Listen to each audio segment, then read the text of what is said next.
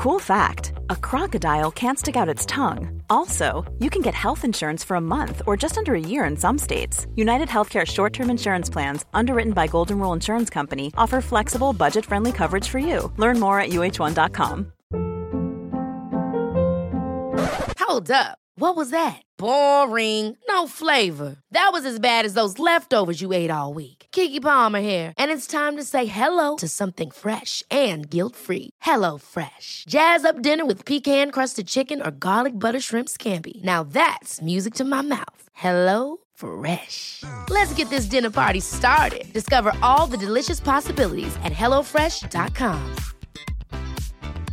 There's never been a faster or easier way to start your weight loss journey than with PlushCare. PlushCare accepts most insurance plans and gives you online access to board-certified physicians who can prescribe FDA-approved weight loss medications like Wigovi and Zepbound for those who qualify. Take charge of your health and speak with a board-certified physician about a weight loss plan that's right for you. Get started today at plushcare.com slash weight loss. That's plushcare.com slash weight loss. plushcare.com slash weight loss.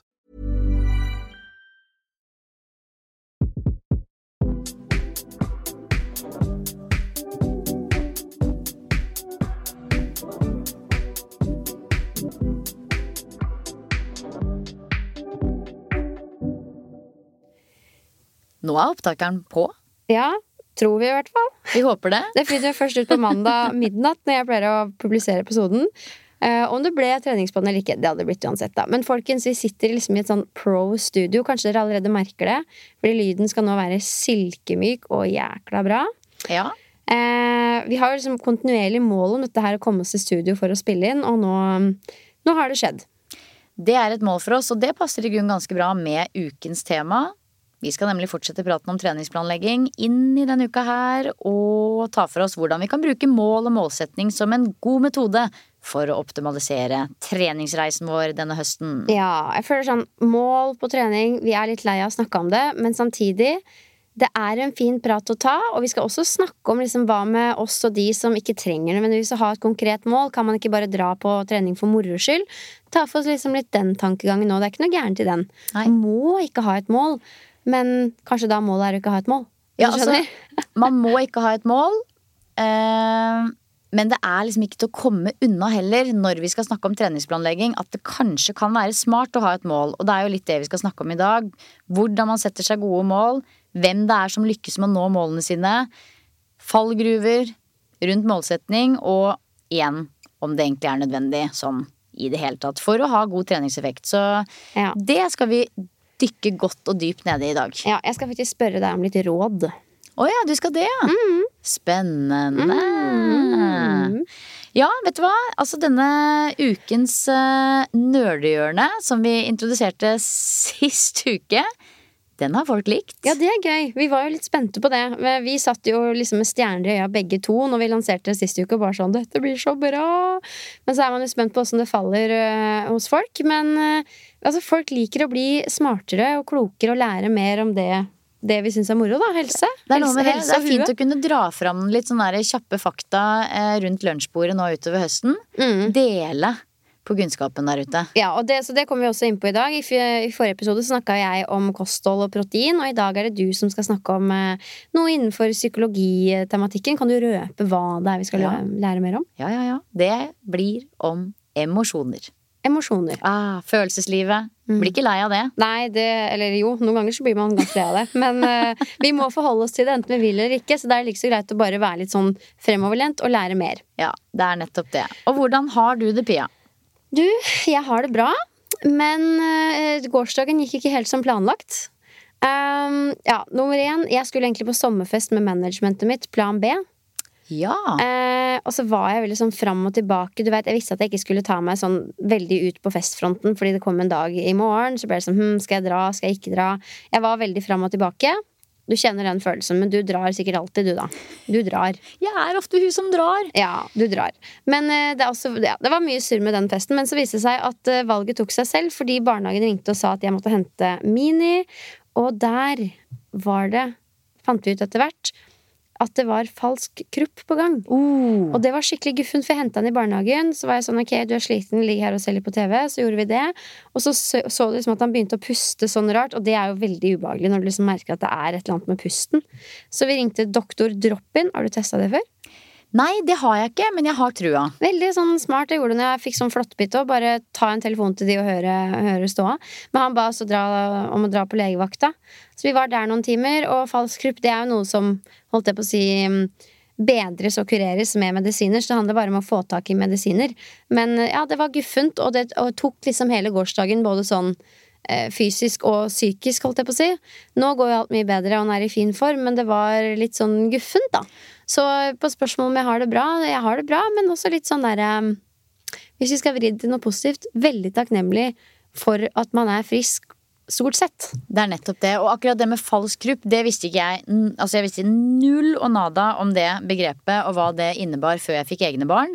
Og det, jeg husker så godt den første runden med det. Da, var, da bodde vi nederst på Grünerløkka. Det var omtrent å ta den ungen under armen og løpe ned på legevakta, for vi trodde jo barnet var døden nær. For det høres jo sånn ut. De, de får jo på en måte egentlig ikke puste. Eh, det er veldig ekkelt. Men det vi lærte da, nå er det tydeligvis medisiner som du sier, det var det ikke da. Da var det liksom tydeligvis bare å få frisk luft. Så jeg husker vi sto ute på verandaen med sånn her, du vet sånn som er i Løvenes konge når de holder den lille løveungen opp Ja.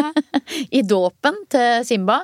Det var sånn. Sånn sto vi liksom på, på verandaen på Grünerløkka holdt disse ungene opp. Og da, da kvikna de til og begynte å puste vanlig igjen. ja, men det er vel bare For det må være kald luft. Ja, kald luft. Ja, men det er jo det ikke nå. For det er falsk gruppe er som man ofte får på høst- og vinterhalvåret, så det er litt sånn unormalt at det kom nå. Eh, men jeg har legen sa også det at dere kan prøve det, eventuelt holde den over fryseboksen. men så vi har ikke trengt det, da, fordi han fikk jo medisiner ganske tidlig. Vi var ganske raske med å dra på legevakta. Men eh, fy søren. Ja. Nei, men det er, uff, de der rundene ned på legevakta som man Jeg tror ikke man kommer utenom det med småbarn. Om det er at de faller ned fra kjøkkenbenken, eller at noen kaster en stein i huet på dem i barnehagen, eller falsk grupp. Man kommer ikke uten. Og det er jo veldig sånn herre påkjenning eh, at barnet ditt er sykt. Det er noe av det mest eh, drenerende og, og, og, og egentlig vanskeligste og mest slitsomme som fins. Ja, virkelig. Eh, men eh, ja, alt gikk bra, og på legevakta så var de helt supre. De var sånn 'Dette handler om barn og pust, dere kommer rett inn'. Altså skikkelig VIP treatment. Ja. Så vi var sånn neste gang vi skal dit, uansett hva det er, så slenger vi på litt sånn. Og så er det noe dårlig pust og noe greier. Ja, han puster veldig tungpusta. Ja. Han slutta å puste noen minutter her òg. Da kommer han rett inn. Nei, da, så utover det, litt guffen opplevelse, så, eh, så er alt bra. Livet ruller på. Driver jo og forbereder meg nå til avreise på mandag. Fy søren. For da skal jeg være med Silje ned til 40 varmegrader. Hvor mange er vi egentlig? Jeg skal være med Silje på hennes yogatur sammen med Ving. Vi reiser på mandag og blir borte en uke. Ja, det, gjør vi. Det der er noen setninger jeg aldri trodde jeg skulle si høyt. Syv dager. Eh, syv dager med fokus på yoga hver eneste dag. Jeg møtte også et par av deltakerne tidligere i dag. Da holdt jeg yoga på Grünerløkka, og de var der. Eh, så disse er jo personer du kommer til å bli godt kjent med. De gleder seg veldig, de også. En av de har til og med pakka bagen allerede. Der er ikke jeg, men det, det blir Tore? jo Hva sa du? Var det Tore? Det var Tore. Ja, ja, Og. Tore han skal være med, og han har også en egen podkast. Han har en podkast sammen med han Simon, der de snakker om livet og generelt. Ja, ja da. Mm. Ja. Nei, så det er flere podkastere som skal på yogareise. Og Er det enda kjenner jo flere? Ja, nei, det er deg, meg og Tore, da. Ja, det er ikke bare bare det, da. Jeg tror ikke det. Nei, altså Vi er 18 deltakere pluss meg, og jeg kjenner noen av dere. Eh, tror jeg kan liksom telle på én hånd hvor mange jeg kjenner til fra før. Og så er det en, en større gjeng som jeg ikke vet helt hvem er. Det blir utrolig fint å samle den gjengen nå på mandag. Reiser nedover sammen fra Gardermoen. Og ja, tanken er jo at vi skal eh, bli godt kjent og gå, eh, gå godt og dypt ned i yogaverden. Eh, I tillegg til selvfølgelig å kose oss veldig i Hellas. Da. Det å være i Hellas er jo magisk med gresk mat og sol og strand og Det blir litt sånn li jeg, jeg føler det er mange som har liksom meldt seg på den turen som trengte en liten ferie etter ferien. Når ungene drar på skolen, de starter jo opp samme dagen på, tilbake på skolen som vi drar. Da er det noen som skal av gårde på ferie. Det er på tide å flykte landet. Ja. Ja. Jeg skal jo jobbe, jobbe. Det blir som å jobbe i Hellas da når det blir klart å bli en annerledes jobbuke. Herregud, Det blir så uvant å være deltaker. Når du skal starte timen din, så kommer jeg til å bare glemme meg bort og stå ved siden av deg og si sånn Hei, alle sammen, har dere sovet godt? Ut, og så Ja. løp tilbake på plassen min. Det kan egentlig være en liten sånn Jeg kommer jo til å gi dere litt hjemmelekser og oppgaver underveis på denne reisen. Eh, Jeg har jo allerede bedt dere om å ta med penn og papir. Og det kan egentlig være en av dine oppgaver, Pia. Du kan få lov å slippe ansvaret. Ja. Du trenger ikke å ta sosialt ansvar ved noen måltider. Du trenger ikke å føle at du skal småsnakke verken før eller etter timen. Du kan gjøre det hvis du vil, eller så kan du få lov å flyte rundt. Det blir veldig, veldig spennende. Ja, Ja, jeg skal, jeg skal forberede meg litt på hvordan jeg ønsker å være eh, på denne turen for meg selv. Ja, Mm. det, akkurat det kommer vi til å snakke litt om, spesielt i starten av uka også. Akkurat dette med eh, hvordan man skal være på denne turen. Rett og slett at man, man eh, Det er jo veldig fort gjort at man liksom går inn i en rolle, eh, og spesielt dette med sosialt ansvar, og at man eh, ja, går inn i en slags rolle på en sånn type tur, tur. Noe som ikke nødvendigvis er nødvendig. Folk klarer seg veldig fint selv. Eh, og noen er jo der for å sosialisere, skravle, ha det fint. Andre har kanskje rett og slett behov for å ha litt mer stillhet. Så det at man går inn i uka med litt sånn refleksjoner rundt hva man ønsker å få få ut av det på et vis, og hva som egentlig kanskje er best for seg, det håper jeg jo at eh, Og det skal jeg, det skal jeg mase litt på dere om å få en klarhet i litt eh, tidlig i uka. Ja, har funnet ut hva du vil ha ut av uka. Må ha svaret nå. Ja. Ja, nei, men jeg, altså, jeg gleder meg jo til å møte disse menneskene. Det, det, det er også litt derfor jeg ønsker å reise. Fordi du er en litt egen type person når du melder deg på en yogareise en uke aleine. Mm. Altså, det er bare That's the vibe I'm going for. De Ja. menneskene som er på den turen, de har noe inni seg som er spennende å høre mer om. Så eh, jeg er ganske sånn Jeg gleder meg til å være rundt den type mennesker og den type energier og høre historiene, liksom. Uten at jeg kjenner noe som helst ansvar. Jeg kan bare reise meg opp midt i middagen og bare sånn Ha det! Det blir- kan du. Du Ja. kan til og med la være å gå i middagen og ligge på rommet og spise takeaway, hvis du skjønner. Nei, det er jo det jeg gjør 365 dager i året ellers. er jeg si. Altså, jeg jobber for meg sjøl. Det blir bra for meg å henge med litt folk. Ja, vet du hva, det gjør det faktisk. Og det må jeg si, jeg, jeg vet at det blir en knallbra gjeng. Ehm, de jeg vet om som kommer som jeg kjente fra før, de er fine folk, og ikke minst interessante folk. Som det er kjempespennende å skravle med og henge med og lære mer eh, om. Så ja, det kommer til å være en, en god boost for oss alle sammen denne uka der. Men blir du fornærma hvis jeg dropper en yogatime? Absolutt ikke. Og Nei. det handler jo igjen om dette med å gjøre ting for seg selv. At du ikke går på en yogatime fordi det forventes, men fordi du faktisk vil. Mm. Ja. Åh, og det har jo overføringsverdi til treningsreiser generelt, så det, det her er jo litt research òg, for å virkelig være i deltakerrollen og kjenne litt på de følelsene man har. For selv om vi er vant til å være instruktører, så går man jo rett inn i den rollen, liksom. Og det tror jeg er veldig fint å ha med seg også når man arrangerer egne eventer. Så um, jeg gleder meg. Jeg gleder meg til å gjøre litt mer yoga. Kanskje jeg blir kjent med meg selv på en annen måte. Nei, det blir bra. Ja, det er akkurat det. Det er jo en veldig fin mulighet når man er der og skal gjøre såpass mye yoga, og rett og slett se på det som en mulighet til å dypdykke litt i seg sjøl, da. Og touche litt borti de spirituelle elementene som man ikke har tid til så mye ellers. Eh, men det er òg en fin mulighet til å bare dra på ferie og slappe godt av. Ja. Og ligge og steke i 40 varmegrader. Ja. Men eh, herregud, hvordan har du det? Er alt bra? Altså, ja, alt er bra. Jeg ser jo veldig frem mot denne reisen, selvfølgelig. Men samtidig så, så er det Ja, det, er, det, er liksom, det går så i ett at jeg har ikke liksom jeg har ikke kjent på sommerfugler i magen enda. De kommer nok på flytoget på vei til Gardermoen. Eh, men jeg har jobba, jeg har båret møbler, jeg har skrevet kontrakter og Hvorfor har du båret eh, møbler? Nei, du vet. Alt skal jo ut nå, fordi vi skal jo flytte. Ja, men det er jo lenge til dere skal flytte. Ja, men det er fullstyling av leiligheten og foto nå. Å ja, trenger man å gjøre det? Det kommer jo litt an på åssen det ser ut, da. Ok! Ja, men du har jo det der flotte blå bildet og noen sofaen og greier. Jeg tenker at det holder, jeg. Ja, men det er jo veldig vår stil. Eh, det er jo litt lurt når man skal selge en leilighet og gå for en litt beigere eh, stil. Ja, Sånn mm, sett. Så mm. tenker, tenker, tenker jeg, da. Men hvordan bytter dere ut alle møbler og alt mulig, og så skal dere leve som statister mens det er visnings... eh, Ja ja. Det er sånn det er. Sånn er det. Okay. Så det er en prosess, dette her. Eh, Så det er jo det er jo ting som tar mye tid. Møter i banken og kontraktskriving og hit og dit med mailer og ting og tang som skal underskrives og fikses opp i. Og foto, styling, takstmann. Det er veldig mange personer som har vært innom oss nå siste uka, så ja. Det har vært mye. Og nå i helga så skal vi liksom bære ut de siste store møblene. Eh, og har leid bil, og du vet, det har vært mye av det i det siste. Akkurat det man har lyst til å gjøre i helgen, faktisk. Ja, hele helga går med til det. Yay! Å ja da. å ja da Men altså, det er jo en, det er jo en gøy prosess på én måte også. Eh, og så har jeg kost meg ekstra mye med jobb i det siste. Setter veldig pris på det å kunne undervise i yoga. jeg bare blir liksom ikke lei. Eh, og har også kost meg veldig med min egen trening eh, den siste uka. Så det er litt sånn Livet er bra. Ja, det er veldig Livet er å høre. Ja. Livet ruller på. Ja, livet ruller på. Og din trening? Same old. Eh, Same old. Jeg følger eh, programmet mitt og koser meg med det, egentlig. Kan du ikke fortelle meg om din, all, din, den siste økta du gjennomførte? Når var den, og hva gjorde du? Åh, det var i går. Det, jeg driver nå og tester ut septemberprogrammet til Sterkere litt innimellom, og da var det liksom en rein beinøkt, og den skulle jeg egentlig gjøre i dag, men timeplanen ville ha det til at jeg heller måtte gjøre den i går. Etter trentøkta mi på 45 minutter. Så se for deg trent styrke 45 minutter. Er instruktør, men du bruker jo allikevel vekter og gjør noe knebøy og utfall og greier. Og så rett på treningssenteret og gjøre en tung beinøkt. Eh, så det var ikke optimalt. Jeg kjente, jeg kjente jeg var tung i beina allerede før jeg starta, men jeg kom meg gjennom det. Traff alle de tallene jeg skulle, og da var jeg jo fornøyd. Men for, før hvert eneste løft så var det sånn Å, fy faen, dette gidder jeg ikke. Ja, Men så gjør man det. Og da må jeg bare si fordi jeg har et tall i den treningsloggen, så har jeg noe å treffe. Og det er det som barer meg gjennom den økta, liksom.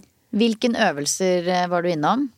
Eh, knebøy, leg extension, gående utfall, beinpressmaskinen, eh, ettbeins strake markløft og lying leg curl. Lying leg curl Altså en, en leg curl, da. Ja. Mm. Så det var nydelig, og jeg koser meg veldig. Det her er nytt for meg. Jeg trener som regel alltid helkropp, men nå i september så skal vi gå over til en litt mer sånn splitt. Og det er deilig å vite at ok, nå skal jeg inn og trene bein, og det er kun fokus på bein.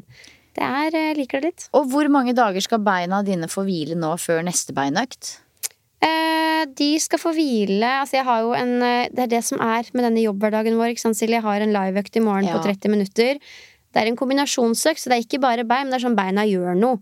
Så hvis du ser bort ifra det, da, det er jo, det er jo jobbhverdagen vår, det er hverdagen, så skal de få hvile helt til mandag. Å ja, men det er veldig deilig. Det er veldig deilig. Det er veldig deilig. Um, så mm, jeg liker det.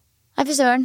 Det er jo Ja, det blir spennende å høre hvordan uh, tida framover er med splittprogram. Hvordan var det siste økta di? Jeg vet at du trente styrke i dag, for du trener alltid Ja, styrke jeg på gjorde det, men jeg trente uh, ikke full kropp i dag. Jeg hadde rett og slett ikke tid til det. Uh, men jeg hadde en Zoma Move-økt, altså en eh, gruppetime, og det var helt nytt program, så jeg måtte bruke litt ekstra tid på å forberede den timen i dag. Mm. Eh, som spiste av eh, tiden på min egen styrketrening. Men den økta i seg sjøl var helt fantastisk. Elsker det nyeste Zoma Move-programmet. Og det er jo mye bein eh, der også. Men jeg rakk å snike inn en liten overkroppsøkt, så det blei eh, klassiske øvelser i ringer, egentlig. Det var det jeg rakk. Det var bare sånn 20-25 minutter eh, med litt overkroppsøvelser i ringer, og så var det soma-move Og det, det blei litt mindre enn jeg hadde planlagt, men jeg kjente likevel etterpå sånn, ja, klapp på skulderen. Det var en godkjent økt. You did it. Men jeg må bare spørre deg før vi skal gå inn i dagens hovedtema. Når du vet at ok, nå har jeg bare 25 minutter, maks 30. Eh, hva tenker du rundt oppvarming da? For du er egentlig veldig sånn oppvarmingsjunkie. Nei, da var jeg jo ganske god og varm av at jeg hadde øvd såpass mye Ja, på for du øvde først, så litt styrke, Ja. så kommer Zoma-timen. Skjønner. Eh, men vanligvis så ville jeg nok kjørt ett oppvarmingssett i hver øvelse. Det ville jeg gjort. Ja. Ja. ja, men det er jo ganske mye mindre enn mange Kunne jo fort sett for meg at du hadde 20 minutter med mobilitet før du satte i gang. Nei, det ville jeg ikke gjort. For da har man jo ikke igjen av, noe igjen av økta, ikke sant? Nei, nei, nei. nei, nei, nei. nei det ville jeg ikke gjort. Eh, altså De øvelsene som jeg er litt sånn streng på oppvarming, det er eksempel tunge løft i knebøy, fordi jeg vet selv at eh, hvis jeg skipper liksom et par oppvarmingssett der, da blir det ikke veldig bra hovedsett. Så det er én øvelse. Men også faktisk en del av det jeg gjør også i ringer. For eksempel dips også må jeg kjøre inn bevegelsen godt. Kan ikke bare klinke til med masse ekstra vekter og, og kjøre tunge dips, for da da er rett og slett ikke skulderen klar. Mm. Men det er jo noen øvelser som jeg bare gønner på med. Mm. Ja.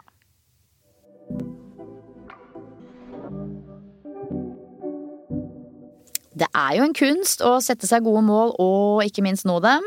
Mhm. Ja. Og da kan vi først liksom bare nevne det er så viktig å huske på også når vi tar den praten her, er at, at et mål, hensikten med det, er å skape motivasjon. Så liksom om, om, et mål er riktig eller ikke, det avgjøres i aller høyeste grad av om du kjenner i magen når du er satt. Det er bare sånn ah, yes, dette har jeg virkelig lyst til. Eh, og jeg gikk og tenkte litt på det eh, på vei hit, at når ordet burde er involvert i denne prosessen, så bør man kanskje gå to runder på om hvorvidt dette er noe du virkelig skal sette som et mål. Fordi ordet burde, det er gjerne også ensbetydende med at det ikke er noe nødvendigvis du har lyst til med hele og fulle hjertet ditt. Eh, det er noe du føler at du burde gjøre. Og så kan det godt hende at det er noe du burde gjøre teoretisk sett, men da har jeg ofte sett at det skorter litt på kreftene i oss til å faktisk see it through, da. Um, men ja, det var kanskje litt, Nei, det var ikke en digresjon, men husk på det at det, målet ditt, som du kanskje setter etter å ha hørt denne episoden her, er at du skal kjenne at yes, dette skaper motivasjon. Ja, amen. Ja, det er helt riktig. Altså, målsetninger er jo først og fremst det. En viktig strategi for å øke eller holde på motivasjonen på trening. Og det skal jo på en måte ta deg med videre mot noe nytt, og gjerne noe som er positivt. Eh, hvis vi tar det aller først, hva et mål er, så er det jo rett og slett en tanke eller en, et ønske eller en slags intensjon om en ønsket tilstand litt der fremme i fremtiden. Mm. Nettopp. Det er helt riktig. Så det trenger ikke å være et konkret resultatmål, eksempel 100 kg i knebøy innen 1.1.2024. Det kan også være, ja, som du sier, en idé eller bare en tilstand. Det kan ikke være, kanskje være en følelse, det er litt lite spesifikt, som vi skal komme inn på, men det kan, det kan være så mangt. Det kan være så mangt, og hvis jeg ser på min eh, treningshistorie, så har jeg hatt mye rare og fjasete mål. Mm. Og så har jeg hatt mange store, viktige mål som har liksom tatt meg litt dit jeg er i dag. Både på trening og privat. Mm. Har du eksempel på liksom det rareste målet du har hatt? Nei. Nei, det, det er, har vært mye rart. Altså, det siste veldig rare målet jeg hadde, var at jeg skulle ta enarms pushup. Hvor, kom det, hvor kom det fra, liksom? Men det var jo noe som jeg syntes var veldig gøy der og da, da. Mm. Og du så jo You saw it through. Du klarte det jo. Jeg klarte det jo. Klarer du det ennå? Nei, vet du hva, det prøvde jeg på i sommer. Vi gjorde mye rare pushups i sommer. Pushups med klapp, Supermann-pushup, og jeg prøvde meg da også på enarms pushup. Hadde ikke kjangs. Nei, sånne ting må jo gjerne holdes litt ved like. Ok, nå skal jeg spørre deg om litt råd. For du vet jo dette muscle up-greiene mitt. Jeg vet. Ja. Eh, og det er litt inn på det jeg nevnte innledningsvis om burde. Fordi muscle-up er en øvelse jeg føler at jeg burde trene mot å klare. Litt fordi jeg har prøvd på det før og la det fra meg. Har nå kommet på at det kanskje er en grunn til det, men samme det. Eh, og fordi at du har begynt å trene mot det. Jeg har lyst til å være med i den klubben, så da har jeg blitt sånn jeg skal også være med og gjøre muscle-up. Og så dro jeg, Tommy var jo så snill og sa du kan komme hit og få litt trening og opplæring. Da fikk jeg i hvert fall blod på tann, og følte også at nå har jeg vært hos Tommy og fått en time med veiledning. Nå burde jeg i hvert fall klare det. Og dette burde, i forhold til muscle-up, ha vært med meg veldig. Eh, og har, en stor del av meg har også veldig lyst til å få til muscle-up, men jeg ser i hverdagen at når jeg skal på en måte være et godt eksempel når det kommer til sterkere, og gjøre de styrkeøktene, noe jeg har lyst til, eh, og i tillegg levere på trent. Jeg skal få inn hverdagsaktiviteten min, jeg vil ha dagslys, jeg vil eh, kunne ha tid til å sitte og jobbe, åpenbart. Jeg sliter med å få det til å passe inn. Jeg sliter med å ha tida. Så ja. det er her jeg trenger litt råd. Uh, Silje, jeg har vel egentlig kommet fram til at jeg, selv om jeg en del av meg har lyst til å trene mot muscle-up, og jeg føler at jeg burde trene mot muscle-up, spesielt siden jeg har sagt det, så jeg er ikke så motivert at jeg sier meg villig til å fjerne noe av det som må fjernes, for å få tid, rom og ikke minst fysisk overskudd til å få det til. Jeg har ikke lyst til å bruke de 20-25 minuttene jeg har til en økt en dag, på å henge i ringene. Og ikke har jeg noen ringer lett tilgjengelig heller. Så enten så er dette bare masse unnskyldninger på vei, eller så er det en logisk og fornuftig forklaring på hvorfor jeg legger det fra meg. Altså, jeg tenker jo at du sitter med svaret sjøl. Jeg tenker sånn Hvis du ikke er villig til å legge vekk noe av det andre for å skape plass til det nye, så er det ikke viktig nok. Nei, det er nettopp det. Og det betyr jo at du ikke er egentlig Du er ikke dypt motivert. Da er man jo ikke motivert, da. Mens når det kommer til disse styrketreningsøktene mine, så er jeg bare helt sånn Altså, jeg ser ikke i mailboksen engang tidvis, selv om jeg har masse å gjøre fordi jeg skal gå, og ha den styrkeøkta. Altså, det er veldig lite som viker. Og det er bare så godt eksempel på at selv om jeg følte at liksom muscle-up det er noe jeg tar eierskap til, nå skal jeg klare det, og jeg vet jeg kan klare det, så er det ikke motivasjonen så sterk at jeg faktisk gjør det som skal til. Eh, jeg tenkte bare på at dette er kanskje noe mange kan kjenne seg igjen i. Det tror jeg jo absolutt at det er. Og så tror jeg også det er veldig stor forskjell på en person som trener jækla mye fra før av, eh, og ikke føler seg motivert til et mål, og en person som alltid har en unnskyldning. Mm. Eh, for det, du vil alltid finne en unnskyldning til å ikke gjøre den jobben som skal til for å nå et mål. Mm. Men eh, du har jo såpass mye annet som trigger deg, eh, og dermed så holder du, du trener jo uansett. Mm. Fordi du har andre arenaer som du ønsker å tikke av boksene på, og andre typer mål som du ønsker å fokusere på, da. Mm. Så, og det er jo et veldig godt eksempel på at man kan ikke bare ta liksom målet til naboen fordi det var målet til naboen. Du må jo være Du kan bli inspirert, helt klart. For det fins jo, jo Vi kan jo ramse opp en hel masse kule mål. Altså det fins jo masse kule, konkrete eh, målbare mål som kan, vi kan sitte her og ramse opp også i treningspodden.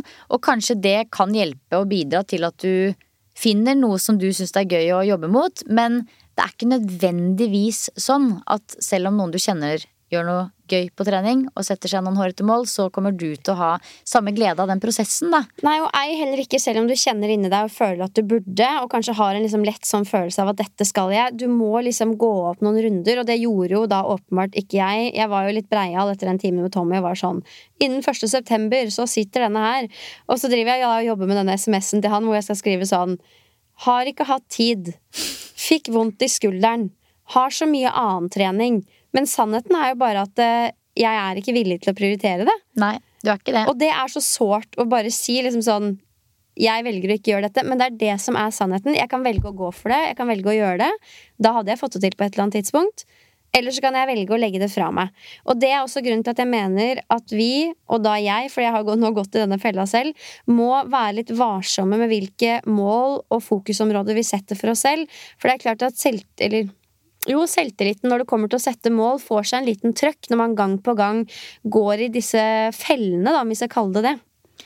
Absolutt. Jeg tror eh, Og det er jo én ting er jo på trening, men hvis man liksom også er en sånn person som setter seg masse mål på privaten, i, i karrieren og på trening, kanskje i, i, forholdet. Det er jo målsetninger å jobbe med der også, på en måte.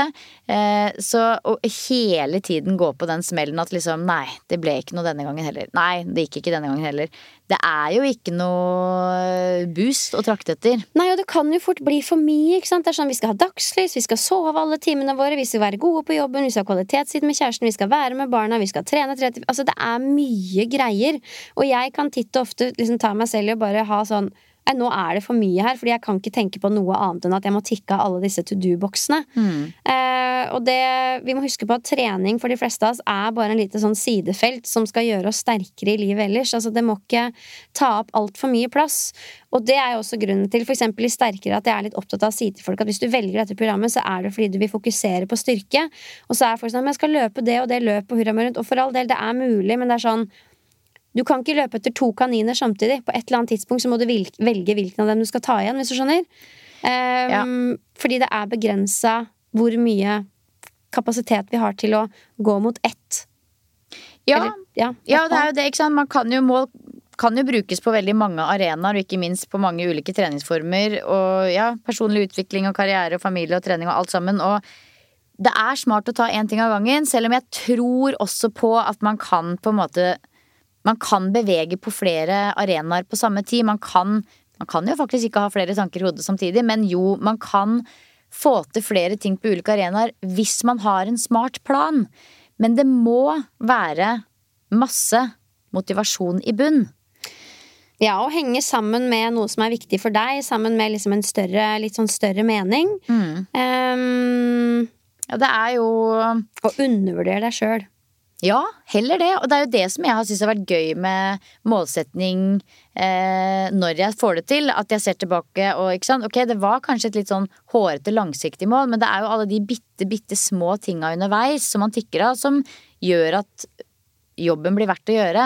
Det blir litt gøy underveis. Mm. Eh, litt viktig å huske på at det er reisen som er målet, og spesielt med trening og helse, fordi selv om du setter ett mål, så er du ikke ferdig da. Du vil jo alltid liksom fortsette, du vil jo alltid fortsette å trene og holde på. Så reisen i seg selv, det at du møter opp på trening gang etter gang, det er det er målet ditt, å, å, få det til. Men så kan jo konkrete målsetninger være et verktøy for å klare å møte opp. Og altså, helt ærlig for meg nå, jeg har ikke noe sånne konkrete mål om at jeg skal klare det og det innen da. Det er mer bare å nyte prosessen, sjekke av at jeg blir faktisk eksempel sterkere. Men utover det så har jeg ikke noe sånn konkret resultat. Nei.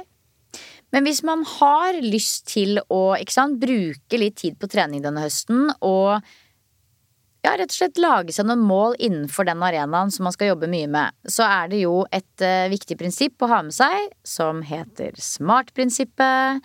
Og det har vi nok snakka om mange ganger i treningspotten før, men jeg tenker det er likevel lurt å gå igjennom, tikke av liksom de boksene for hva et uh, smart-mål er, med bruk av SMART-prinsippet. For hvis du er en person som ønsker å sette deg et mål denne høsten, så skal det være én spesifikt, for eksempel jeg skal løpe 10 km på én bestemt tid. Det skal være målbart, dvs. Si at du skal kunne bruke eh, målefunksjoner eller kontrollere eh, f.eks. hvor langt du løper på, og på hva slags tid du bruker på det. eh, det skal være attraktivt. Målet er på en måte noe som du skikkelig har lyst til. Det er jo det Muscle er ikke attraktivt nok for deg nå, Pia. Mm. Eh, er vill, du er ikke villig til å strekke deg litt ekstra langt innenfor det for å nå det målet. Ehm, det er mer sånn at det er liksom fristende å liksom droppe de muscle up-øvelsene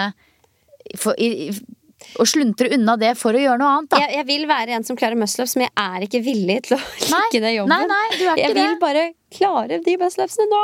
Ja, det er jo ikke sant? Det hadde jo vært kjempegøy. Ja, Det hadde vært helt Det var det jeg håpa litt på når jeg gikk til Tommy Litt sånn Inni deg, liksom? Ja, ja, ja, ja, men nei.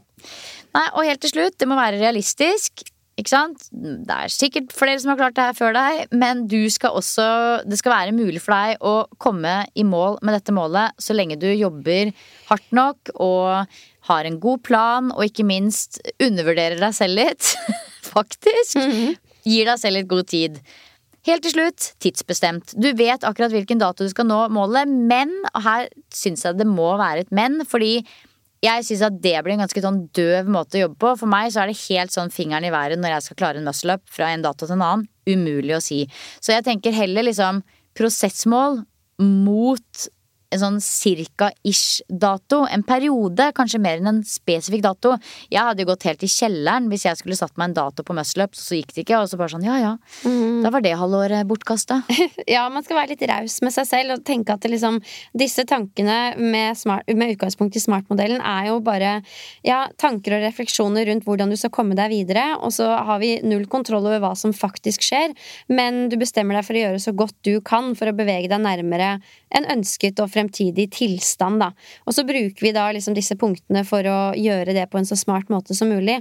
Eh, og hvis man ikke helt vet, så kan det helt fint være lurt å kun ha fokus på prosessen og ha et mål om at jeg skal gjøre tre styrkeøkter i uka fram til jul, for eksempel. For ved å gjøre det, så vet du også at det vil jo gjøre deg bedre og ta deg nærmere for eksempel en sterkere tilstand. Du vet kanskje ikke akkurat konkret hva det innebærer, men du vet at du da nærmer deg den personen og det du ønsker å være seks måneder fram i tid, da. Mm.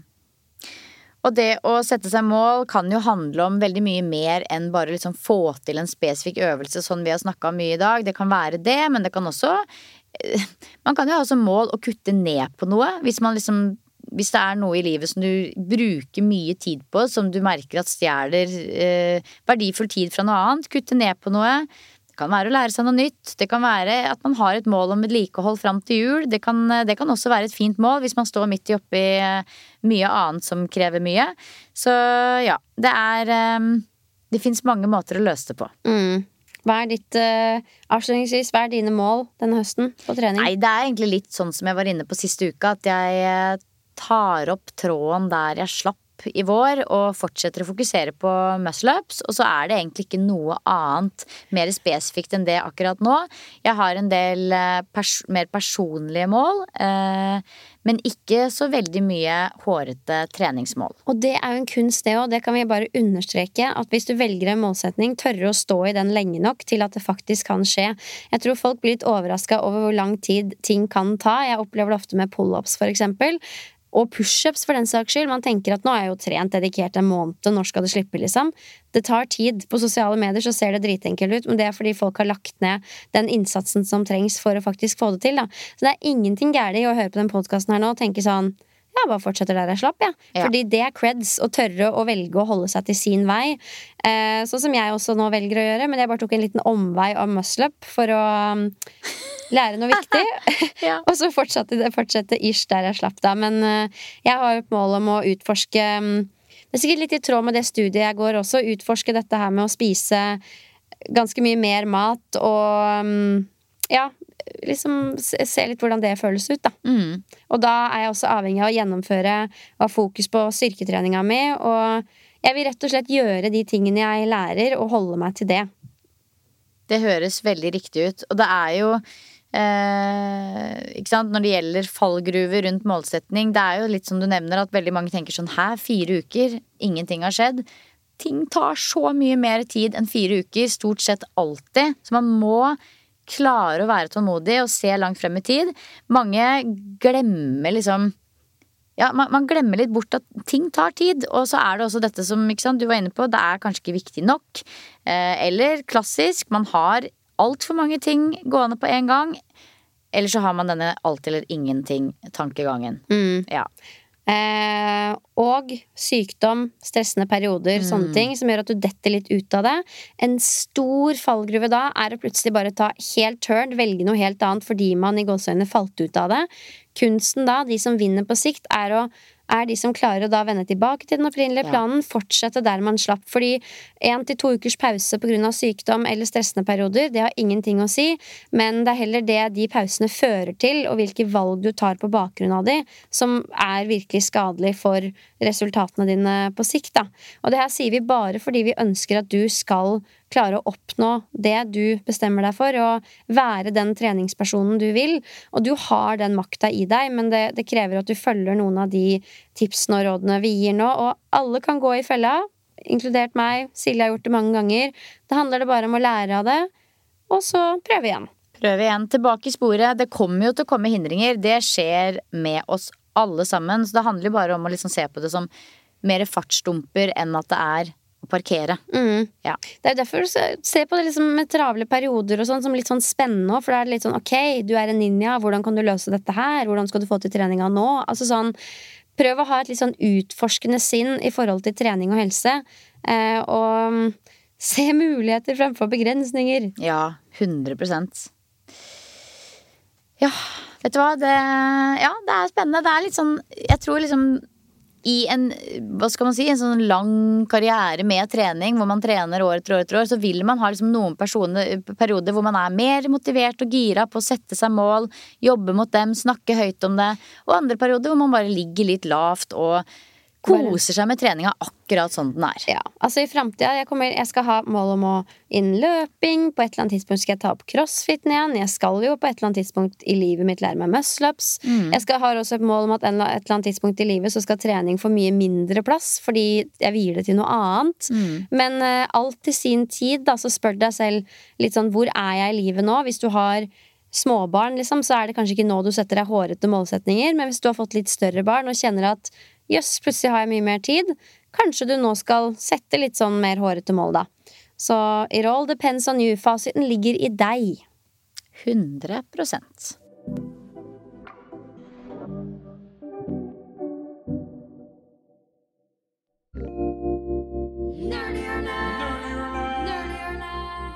Like the nerds we are. Så hvis det er noen som ikke ikke hørte sist ukes episode av Treningspodden, så introduserte vi altså vår nye spalte Nerdhjørnet. Tanken her er jo at uh, Pia og jeg annenhver uke skal ta tak i det vi lærer på våre ulike studier, uh, og dele litt av den reisen med dere lyttere. Ja, for akkurat nå så studerer Silje psykologi, og jeg tar et uh, slags online treningskurs om trening og mye kosthold. Ja, og hvor man skal begynne, det er jo et godt spørsmål. Jeg synes jo dette med følelser og emosjoner, som er en stor del av psykologistudiet, har vært ekstremt spennende. Og jeg velger å starte her. Her er det jo veldig mye å velge mellom, både når det gjelder liksom følelser som signalverdi eller emosjonsregulering, emosjoner i hjernen, kroppen osv. Men det jeg tenkte vi skal snakke litt om i dag, det er emosjonell intelligens.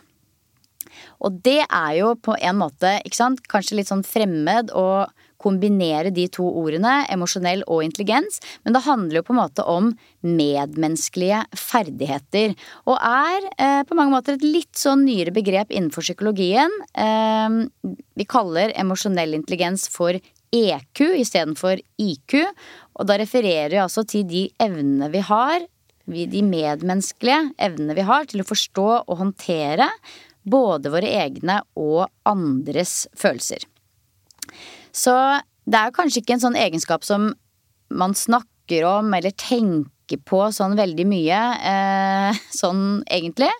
Eh, men det er en ganske sånn klar, tydelig og ganske viktig ferdighet som 100% øker sjansen for suksess på mange ulike områder i livet. Både privatlivet, of course, med forhold og vennskap og familieliv og alt dette her.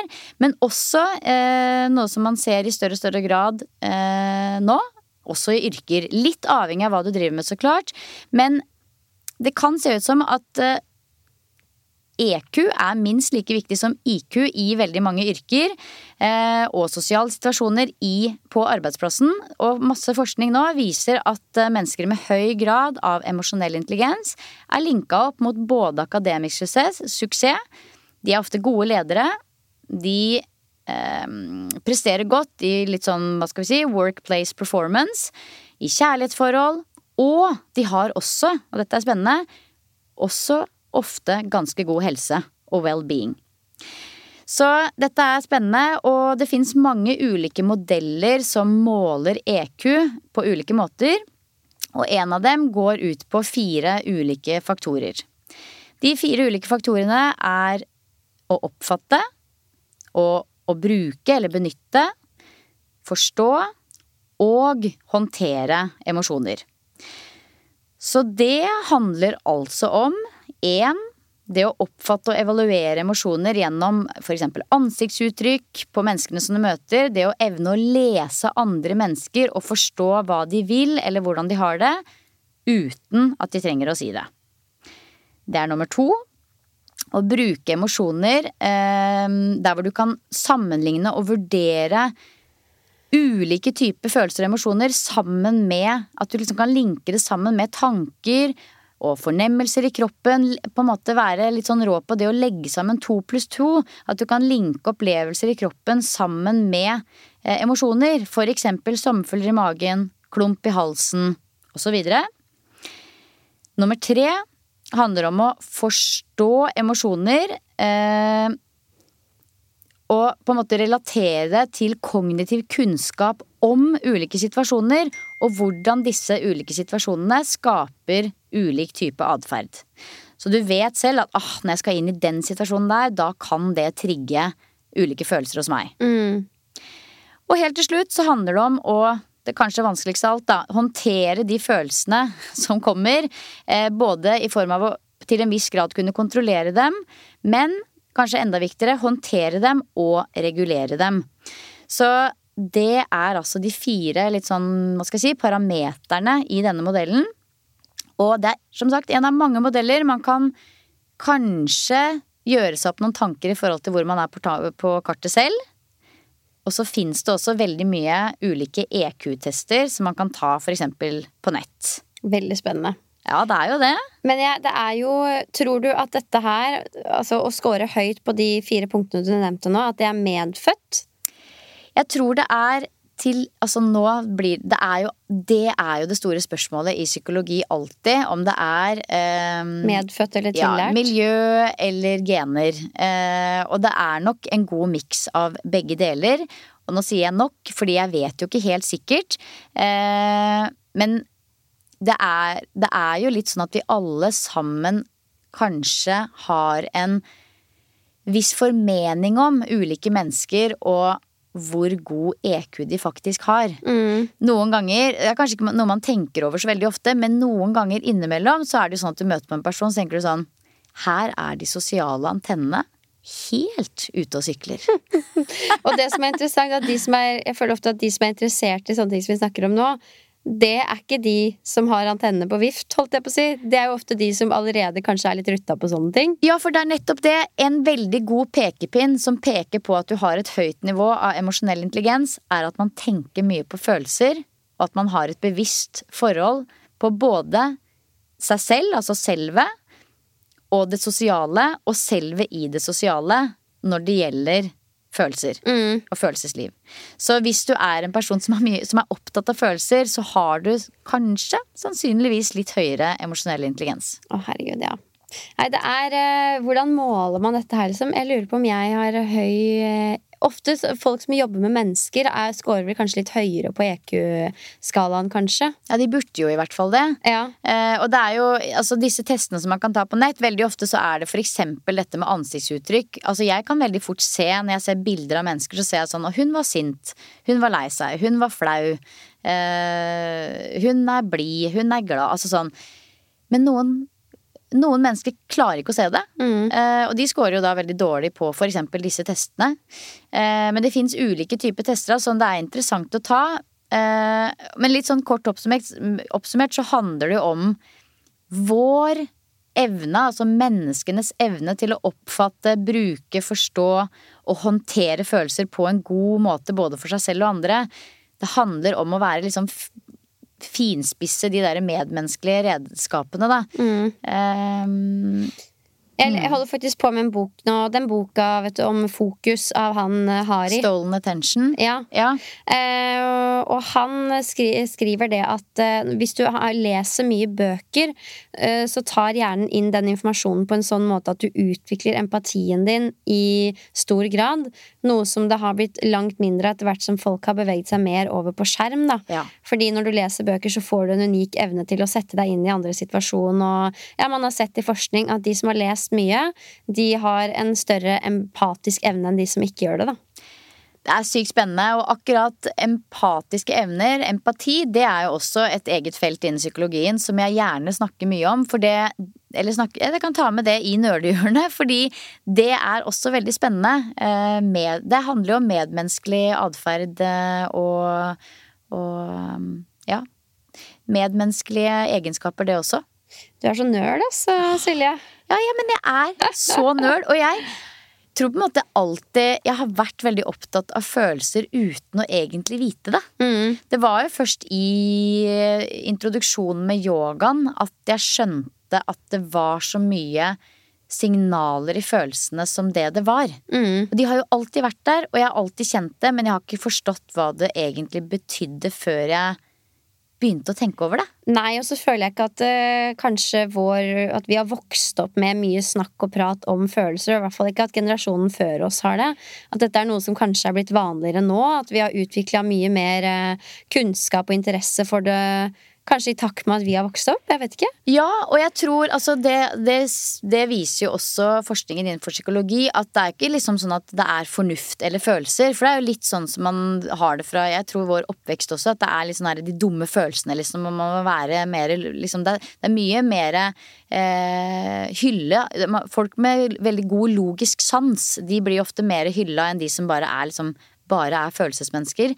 Eh, men så viser det seg jo at du, du klarer faktisk ikke å ta Altså veldig mange av de logiske beslutningene som vi tar hver eneste dag, de blir tatt på grunnlag lag av følelsene våre. Så det er veldig mange ting i eh, emosjonene våre som gjør at vi tar veldig gode logiske valg. Så Og det også, ikke sant. Fornuften eller følelsene, det også er jo et kjempespennende tema. Mye å ta av. Det er så mye å ta av. Så jeg tenkte faktisk det litt nå, at nå må jeg bare liksom Jeg begynte å tenke på det nå i helga. Hva skal jeg snakke om i nerdehjørnet? Det må nesten bli noe innenfor emosjoner. Og så tror jeg da det blir emosjoner noen uh, uker nå, og så kanskje det skifter. Nå i høst så skal jeg jo uh, lære mye mer om kognitiv psykologi, som er spennende. Men det er jo mer spennende med emosjoner. Hva legger du i kognitiv psykologi, da? Altså, det handler jo om uh, tanker, språk, intelligens her også, men eh, eh, litt andre typer ferdigheter. Men igjen, det er jo mye som henger sammen. Men jeg skal lære om kognitiv psykologi og biologisk psykologi. Og biologisk psykologi er jo snork å snakke om i treningspodden. Det er jo hjernen og hvordan den er sammensatt. Denne nerven her går direkte til Jeg føler at eh, hvert fall, Og det prøver jeg å tenke når jeg finner fram til nerdehjørnet, at det skal være nyttig kunnskap som jeg kjenner at oh, dette var kult for meg, og da er det mest sannsynlig det for uh, treningspodden sine lyttere også.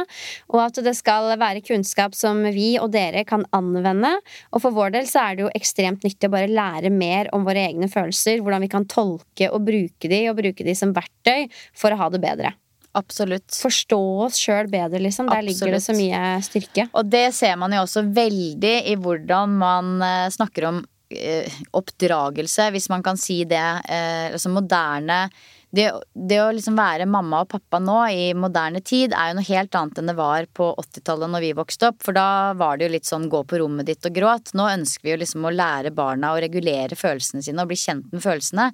Og det er jo ganske mange som ikke har fått utløp for det i barn, barndomsåra, som har ekstreme utfordringer med tilknytning i voksen alder. Eh, så det, har jo, det er jo en stor fordel å lære seg litt om emosjoner hvis man er mamma, pappa, kjæreste, kollega, når man skal være sammen med andre mennesker, rett og slett. Da. Gud ja. Gud ja. Og prøv å finne deg noen som er på samme nivå og har den samme interessen.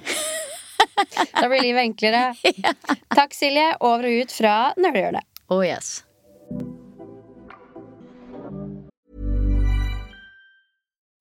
Life is full of what ifs. Some awesome, like what if AI could fold your laundry? And some, well, less awesome, like what if you have unexpected medical costs? United Healthcare can help get you covered with Health Protector Guard fixed indemnity insurance plans. They supplement your primary plan to help you manage out of pocket costs. No deductibles, no enrollment periods, and especially no more what ifs. Visit uh1.com to find the Health Protector Guard plan for you. Hold up. What was that? Boring. No flavor. That was as bad as those leftovers you ate all week. Kiki Palmer here, and it's time to say hello to something fresh and guilt-free. Hello Fresh. Jazz up dinner with pecan-crusted chicken or garlic butter shrimp scampi. Now that's music to my mouth. Hello Fresh. Let's get this dinner party started. Discover all the delicious possibilities at hellofresh.com. Life is full of awesome what ifs, and some not so much, like unexpected medical costs. That's why United Healthcare provides Health Protector Guard fixed indemnity insurance plans to supplement your primary plan and help manage out of pocket costs. Learn more at uh1.com.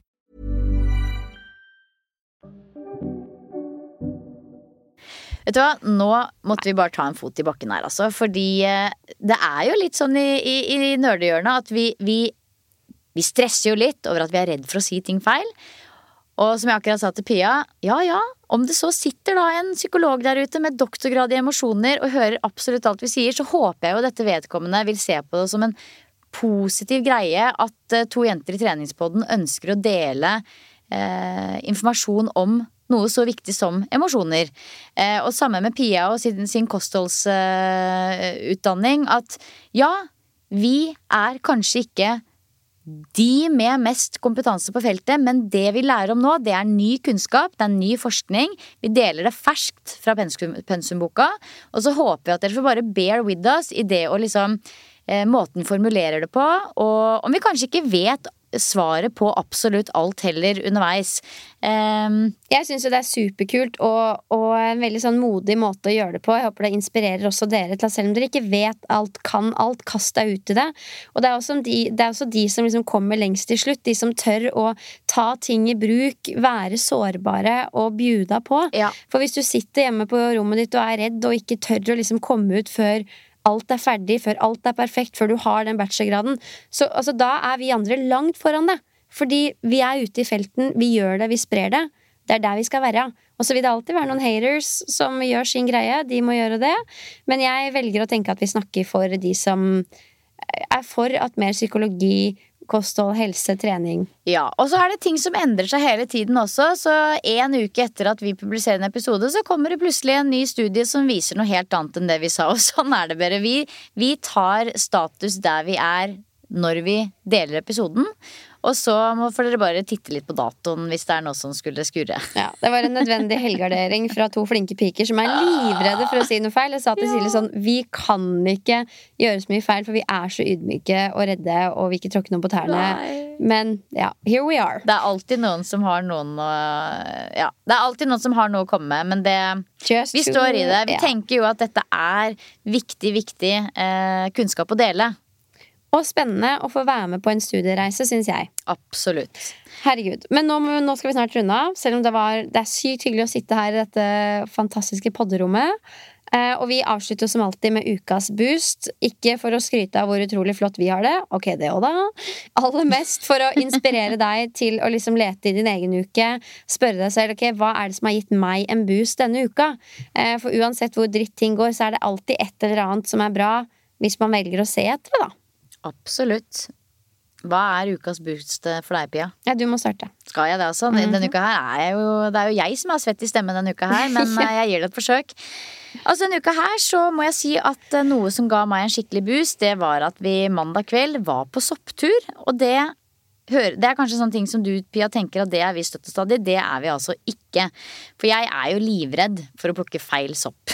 Å ja, det er det. Men, men altså, ikke, ikke nødvendigvis det. Jeg bare kan ikke nok og vet ikke nok og liksom sånne ting. Men, men vi blei invitert på middag hos noen venner eh, på mandag eh, som bor eh, langt ute i skogen. Nei da, de bor på bygda. De bor langt ut. Og det var veldig hyggelig. Og etter at vi hadde spist, så dro vi ut med kurv i skauen og plukka sopp. Og disse menneskene kan det. Så da var det jo bare for oss å liksom lene oss tilbake og lære. Eh, vi plukka jo ganske sånn basic sopp, steinsopp og kantarell og sånne ting. Men det var bare så utrolig fint å liksom gå rundt to timer bare sånn i det der myke, grønne underlaget. Leite litt. Oi, oi, oi, der er det en sopp der. Plukke den opp, børste litt av den, legge den ned i kurven. Og det må jeg bare si at det er virkelig sånn high level of mindfulness. Det å gå rundt i skogen og lete etter sopp. Um, og nå er det jo, for, for alle som kanskje ikke tenker at det er noe for, for dere, så er det jo det er soppsesong, sånn at man kan jo også kjøpe sopp på butikken. Det er en veldig fin ting å spise mer av nå, som det faktisk er i sesong. Og vi dro hjem, farvel av sopp og rett ned i fryseren, så nå er det gleder jeg meg til å spise sopprisotto og soppasta og legge på pizzaen og ha det i gryter og Altså kantarell, bare det å liksom steke kantarell i smør med salt og pepper på en toast, Mm. er jo et nydelig måltid i seg selv. Så nei, det er i grunnen det som har gitt meg en boost denne uka her. Ja, jeg er ikke så veldig bereist inne i soppverdenen, heller ikke i, i maten min. Men eh, jeg kan kjenne meg igjen i liksom eh, gleden av å plukke. Mamma og pappa har masse blåbær bak seg, så vi tilbrakte et par timer der vi plukka blåbær, og det var bare så hyggelig og veldig sånn en tilstedeværende aktivitet, da. Det er akkurat det det er. Ja, for akkurat det blåbær, det er veldig tilgjengelig. Alle bor et sted hvor det går an å sette seg i bilen eller sette seg på sykkelen og dra et sted og plukke blåbær. Og det vi har fortsatt ikke fått gjort i år, men i fjor så var vi liksom akkurat en uke forsinka når vi var på vår eh, eh, årlige blåbærplukk. Og det var liksom, det var akkurat litt lite bær igjen. Vi rakk det akkurat, men samtidig ikke. Så kom dere ut i skogen nå, folkens, for å plukke blåbær. Og soppsesongen tror jeg jo varer en stund til. Eh, og så etter hvert er det tyttebær, og så er det litt multer på fjellet, og du vet, det er jo litt gøy å, å, å bruke tid på å sanke sin egen mat, da, i den grad man kan. Absolutt. Jeg liker at du minner oss på hva som er i sesong. Det gjorde vi veldig mye før når vi snakka om vi hadde ukas mat eller et eller annet. Eh, det er fin kunnskap. Det er fin kunnskap. Jeg så faktisk nå en kalender som jeg bare jeg har pekt meg ut den. Den skal henge på mitt nye kjøkken etter hvert, i rekkehuset, som er en sesongkalender. Og den kan man jo ha år etter år, for den bytter jo ikke Man trenger ikke å ha datoer i den kalenderen, for det er bare liksom september, da er det dette i sesong. Oktober, da er det dette. Og da blir man jo minnet på står man på kjøkkenet, og så blir man minnet på at ja, det er det vi skal spise nå. Den ønsker jeg seg. Den ønsker jeg meg. Mm. Ja, deilig det. Deilig. Ja, men nå Ukas boost. Ja. Eh, litt spennende, men jeg har gjort en investering i meg selv. Og min Oi. egen kunnskap. Ish, da. Det er vi jo glad i. Jeg er inspirert av en av medlemmene mine Sterkere, faktisk. Eh, og eh, har investert i eh, ernæringsveiledning. Nei, En ernæringscoach? Ja, det, det overrasker meg ikke, Pia. Nei, selvfølgelig gjør det ikke det. Overrasker meg. We're on a journey, and I'm taking you with me. Å, herlighet. Vet du hva? Det er gøy. Jeg er eh, egentlig veldig redd for, både på, ikke redd for, men på egne vegne, å snakke for mye om makroer, kalorier, telle kalorier, følge med på hva man får i seg. Jeg er litt Altså, jeg er jo helt med på at mat skal være mat, og du skal ikke legge for mye oppi det. Det er den ene siden av det. Men den andre siden av meg er at jeg ser hvor mange som har et problematisk forhold til mat. Vi spiser for mye, vi spiser for lite. Hva er sunt, hva er ikke sunt? Hva gir meg de resultatene jeg vil ha? Det er veldig mange gråsoner og vanskelige områder der også. Og det er også grunnen til at jeg tar det studiet mitt, og jeg tenker at jeg kan ikke begynne å snakke masse om kosthold og sånn hvis jeg ikke har gått den reisen skikkelig selv. Jeg snakka litt om forrige uke at det å gå inn for å spise mer mat og på en måte Ikke spise for å bygge, men for å bygge mer muskulatur, det er veldig nytt for meg. Jeg tror det er fra liksom Fordi jeg begynte å trene fordi jeg var litt stor, så er det alltid sånn ingrained in me at vi skal ikke gå inn for å bli større. Eh, men jeg tror når du har trent i x antall år, sånn som jeg har, så må du på et eller annet tidspunkt gå inn for det. Eh, fordi hvis du skal ha videre framgang, da.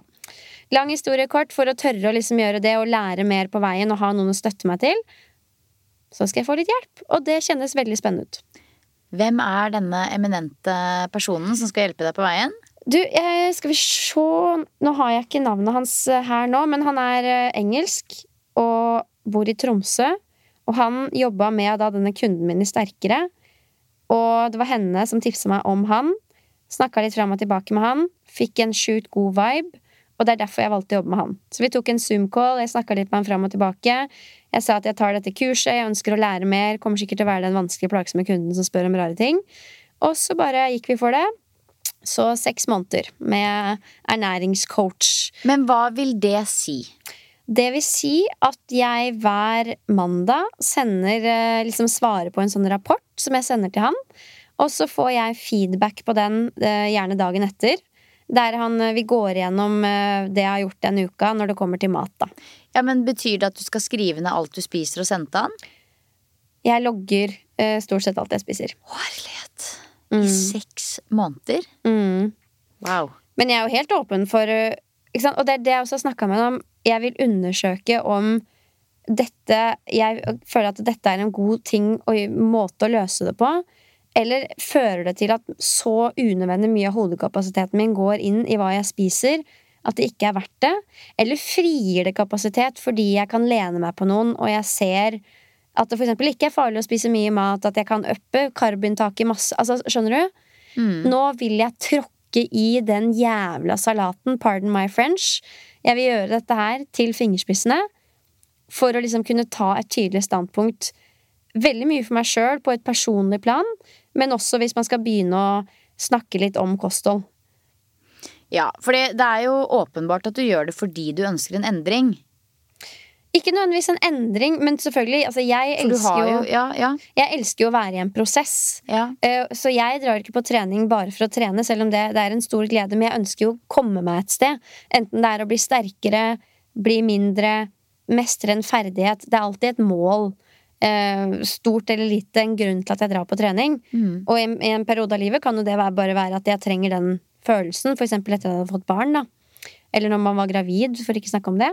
Men eh, nå er det jo det som litt som jeg snakka om forrige måned. Å prøve å spise litt mer og bli holdt i hånda når jeg gjør det.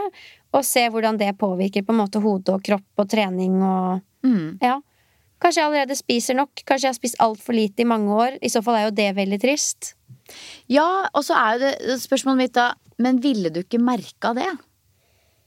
Hvis jeg hadde spist for lite. Ja, både i form av eh, ja, hvordan man ser ut, og hvordan man føler seg. Kanskje, men jeg tror samtidig det er veldig fort gjort å venne seg til en normal. Litt sånn 'dette er det jeg spiser, og det her er sånn jeg er vant til å føle meg'. Mm. Um, at man kan ha mye mer energi til tross for høy treningsmengde, få raskere resultater ved å øke. Ja. Og så er jo dette her en veldig målbar måte å gjøre det på. Jeg vet ikke om jeg liksom har vært moden for det for tre-fire år siden. Jeg vet ikke, Men nå, nå føler jeg selv at jeg er ganske sånn lave skuldre for, i forhold til det. Og det er jo også en del av reisen når du jobber med en sånn person. At du skal lære deg å liksom ha et forhold til maten din og ha lave skuldre rundt disse tingene, da.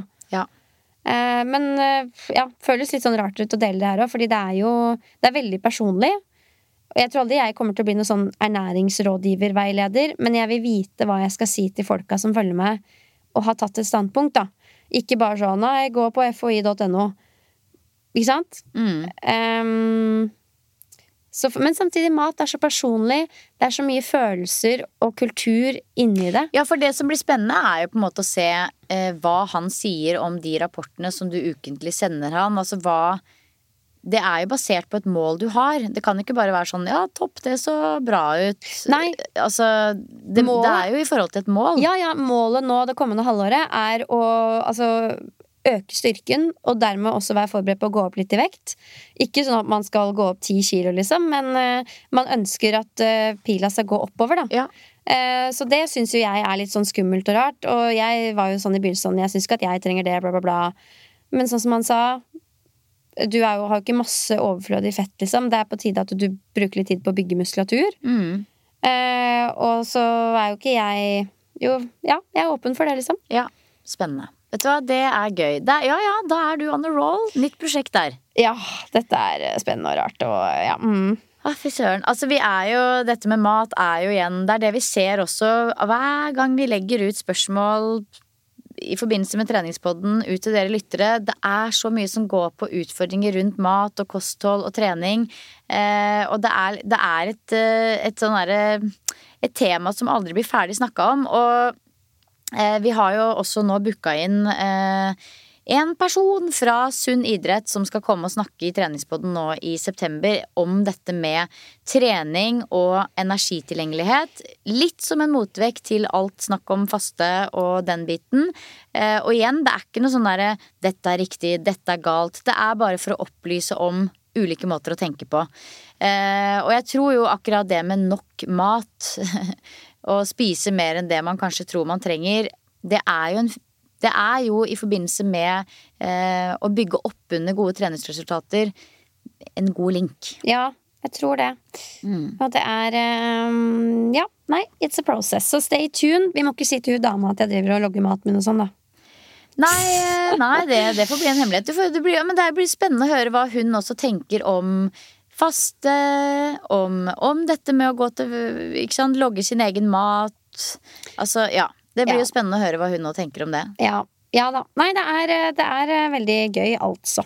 Jeg vet ikke hva jeg mener om noe av det, og egentlig så føles det ganske sånn prematurt ut å dele det, men det er en kjempeboost, og jeg ønsker jo Altså, jeg gjør jo dette her også fordi at jeg vil ta folk med på reisen. Det er jo på en måte det jeg jobber med, og en del av det er å være sårbar oppi det hele. Så det er jo med litt sånn rare følelser at jeg snakker om dette her og nevner det, men uh, det står i stillingsbeskrivelsen. Just out here doing my job. Oi, oi, oi. Ja. Nei, vet du hva? Gøy. Jeg tror vi skal runde av. Eh, selv om vi fikk mange nydelige meldinger sist uke om at det går helt fint at vi holder på litt over timen.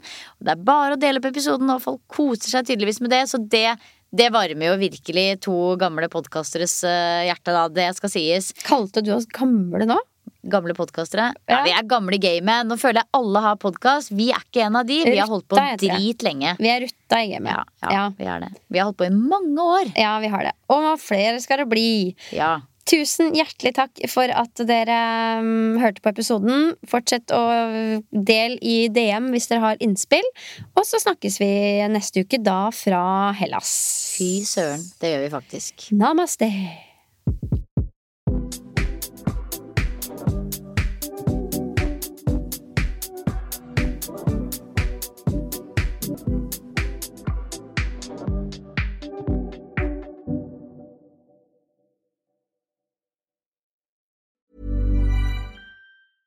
Planning for your next trip? Elevate your travel style with Quince. Quince has all the jet setting essentials you'll want for your next getaway, like European linen, premium luggage options, buttery soft Italian leather bags, and so much more. And is all priced at 50 to 80% less than similar brands. Plus, Quince only works with factories that use safe and ethical manufacturing practices.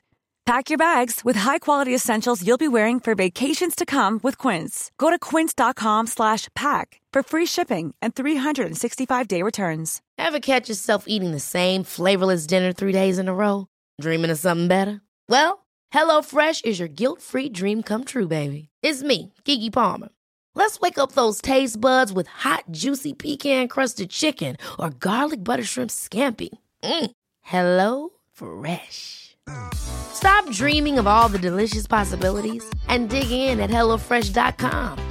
Let's get this dinner party started. This message comes from BOF sponsor eBay. You'll know real when you get it. It'll say eBay Authenticity Guarantee. And you'll feel it. Maybe it's a head turning handbag, a watch that says it all, jewelry that makes you look like the gem, or sneakers and streetwear so fresh every step feels fly. eBay gets it. So look for the blue check mark next to that thing you love and be confident that every inch, stitch, sole, and logo is checked by experts.